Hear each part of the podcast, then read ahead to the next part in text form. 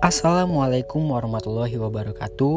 Perkenalkan nama saya Rizky Robi Bagus Aditana dengan NIM 2007214 dari kelas KFOB ingin menambahkan pematerian dari kelompok 3. Yang saya yang saya ingin tambahkan yaitu tantangan dalam pengimplementasian Pancasila sebagai sistem etika. Pancasila tersusun atas dua fundamen. Pertama, fundamen yang berkaitan dengan aspek moral, yaitu ketuhanan yang Maha Esa. Kedua, fundamen yang berkaitan dengan aspek politik, yaitu kemanusiaan, persatuan Indonesia, demokrasi kerakyatan, dan keadilan sosial.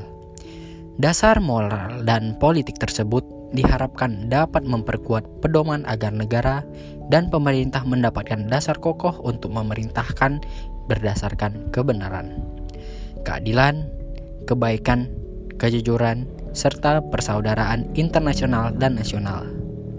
Sekian dari penambahan saya. Lebih dan kurangnya mohon dimaafkan. Wassalamualaikum warahmatullahi wabarakatuh.